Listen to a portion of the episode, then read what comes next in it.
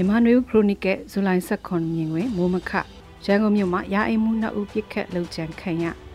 ဒလမလက်လုံမိုက်မတော်တဆပောက်ကွယ်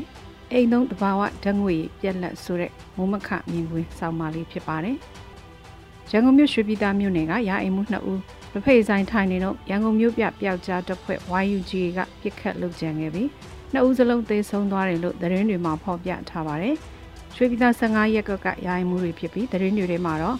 ပြူစောတိအဖွဲ့ဝင်တွေဖြစ်တဲ့ရက်ကွက်ထဲမှာအဲဇင်းစင်ရဲ့စစ်တပ်ကဖမ်းဆီးမှုတွေလိုက်တဲ့အခါမှာလိုက်ပါလာလိရှိတယ်လို့သတင်း source အချို့ကိုကိုကာဖော်ပြထားပါတယ်။ရန်ကုန်မြို့မှာခုလိုရာအိမ်မှုရက်ကွက်အုပ်ချုပ်ရေးမှုနဲ့စစ်တပ်သတင်းပေးလို့ယူဆသူတွေကိုမြို့ပြပျောက်ကြားအဖွဲ့တွေကလှုပ်ကြံတက်ဖြတ်တာတွေမကြာခဏဖြစ်ပွားနေပြီးပြီးခဲ့တဲ့ရက်ပိုင်းကလည်းမရန်ကုန်မြို့နယ်တမိုင်းရက်ကွက်မှာတူလှုပ်ကြံတက်ဖြတ်ခံရတယ်လို့အဲ့မတိုင်ခင်ရက်သတင်းပတ်အနေငယ်ကလည်း တင်ငန်းကျွမြို့နယ်မှာရာအိမ်မှုနှစ်ဦးလှုပ်ကြံတက်ဖြတ်ခံခဲ့ရတာဖြစ်ပါတယ်။ရန်ကုန်မြို့မန္တလေးမြို့တို့မှာဒီလိုလှုပ်ကြံတက်ဖြတ်တာတွေကနေ့စဉ်ဖြစ်နေကြဖြစ်ရတဲ့ပွဲဖြစ်လာနေတာလည်းဖြစ်ပါတယ်။စစ်ကောင်စီရဲ့တောက်တိုင်လို့သတ်မှတ်ပြီးအုပ်ချုပ်ရေးအောက်ဆုံးအဆင့်ကရက်ကွက်အုပ်ချုပ်ရေးမှုလိုမျိုးနောက်ထပ်အောက်တဆင့်ဖြစ်တဲ့ရာအိမ်မှုလိုအဆင့်မျိုးတွေကိုလှုပ်ကြံတက်ဖြတ်တာဟာမှန်တကယ်စစ်ကောင်စီရဲ့ရန်ရာကိုရက်တန့်စေနိုင်မလားဆိုတာလဲသုံးသပ်ဖို့လိုအပ်နေပြီလို့ထင်ပါတယ်။ စစ်ကောင်စီရဲ့ရန်နီယာကလက်နက်ကိုင်းတပ်တွေကအဓိကဖြစ်ပြီးစီမံသုံးဆွဲခွင့်ရတဲ့နိုင်ငံရဲ့ဗန္နာရေးအရင်အမြစ်တွေအုပ်ချုပ်ရေးဆက်သွယ်ရေးရန်ရာတွေကိုတုံးပြီးအာဏာကိုတိဆောက်ထားတာဖြစ်ပြီးအုပ်ချုပ်ရေးတွေကအောက်ခြေအကြဆုံးရက်ွက်ရဲ့ခြေရွာအုပ်ချုပ်ရေးမှုလို့ရာအိမ်မှုလို့တာဝန်ယူလှုပ်ဆောင်နေသူတွေကိုပြစ်မှတ်ထားရင်တောင်းခနဲ့သိကနဲ့ချီရှိတဲ့လောက်ကျန်သက်ဖြည့်ရေးပြစ်မှတ်ရေးအတွက်ဖြစ်လာမှာဖြစ်ပါတယ်။တစ်ချက်ကရာအိမ်မှုဖြစ်တိုင်းရက်ွက်ခြေရွာအုပ်ချုပ်ရေးမှုဖြစ်တိုင်းလောက်ကျန်သက်ဖြည့်တာမဟုတ်ပဲတရင်ပေးသူပြူစောတိအဖွဲ့ဝင်ဖြစ်သူ သွေးတောက်အဖွဲ့ဝင်ဖြစ်သူတွေကိုသာလောက်ကျန်သက်ဖြည့်တာလို့လဲဆိုကောင်းဆိုနိုင်ပါတယ်။သို့တော်လည်းပြူစောတိအဖွဲ့ဝင်သွေးသားအဖွဲ့ဝင်ဖြစ်တဲ့ဆိုတဲ့အချက်တွေကတခါတရံမှားယွင်းတာတွေမလိုမုန်းတာမှုတွေကြောင့်ဆွဆွဲမှုတွေခြားသောအကြောင်းများကြောင့်ဆွဆွဲမှုတွေဖြစ်နိုင်ပြီးလောက်ကျန်တက်ဖြတ်သူမျိုးပြပျောက်ကြားအဖွဲ့တွေအနေနဲ့အထက်ကဆွဆွဲချက်တွေကိုစီစစ်တဲ့အတီးပြုတဲ့ရန်တရားလည်းရှိဖို့လိုအပ်မှာဖြစ်ပါတယ်။လို့မဟုတ်ခဲ့ရင်ဂျိုင်းအမှုရက်ကွက်အုပ်ချုပ်ရေးမှုဖြစ်ပေမဲ့လည်း လက်နက်ကိုင်ဖွဲ့ဖြစ်တဲ့ပြူစောတိအဖွဲ့ဝင်မဟုတ်တော့လဲတန်တရားနဲ့ဖြစ်စေဆွဆွဲခံရလို့ဖြစ်စေလောက်ကျန်တက်ဖြတ်ခံရတာတွေကမြန်မာနိုင်ငံရေးသမိုင်းမှာနာကြီးစရာတွေနှစ်နဲ့ချီချမ်းရစ်မဲ့သမိုင်းအမာရွတ်တွေဖြစ်လာနိုင်ပါတယ်။ကမ္ဘောဒီးယားနိုင်ငံရဲ့ပိုပေါ်အုပ်ချုပ်ခဲ့တဲ့ခမာနီခေတ်လိုမျိုးနဲ့မနိုင်ရှင်သာပေမဲ့လည်းချို့သောအခြေအနေတွေကအဲ့ဒီခေတ်ကာလတုန်းကခမာနီတွေအလွန်အကျွံလှုပ်ဆောင်ခဲ့တာတွေနဲ့အလားတန်တူတယ်။ပြည်သူချင်းချင်းလက်ညှိုးထိုးပြီးအသက်ခံရတဲ့အဖြစ်မျိုးစီဥတည်သွားနိုင်ပါတယ်။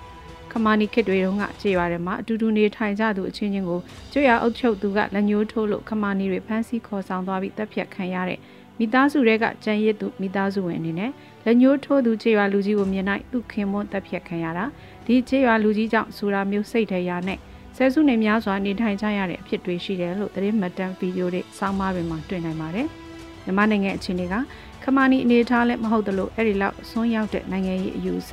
လူသိန်းနဲ့တန်းနဲ့ချီတက်ပြတ်ဖို့အနေထားလည်းမဟုတ်ပေမဲ့လည်းတရားမျှတမှုဆိုင်ရာအခြေခံအယူအဆတွေကလက်နက်ကိုင်အဖွဲ့အနေနဲ့ဆိုပျောက်ကြားတပ်ဖွဲ့ဖြစ်စေတပ်ဖွဲ့နဲ့စစ်စင်ရေးလှုပ်ရှားမှုလုပ်ကိုင်းတဲ့နေရာယူတိုက်ခတ်ရေးတပ်ဖွဲ့တွေဖြစ်စေရှိဖို့လိုအပ်မယ်လို့ထင်မြင်ယူဆပါတယ်။လို့မဟုတ်ခဲ့ရင်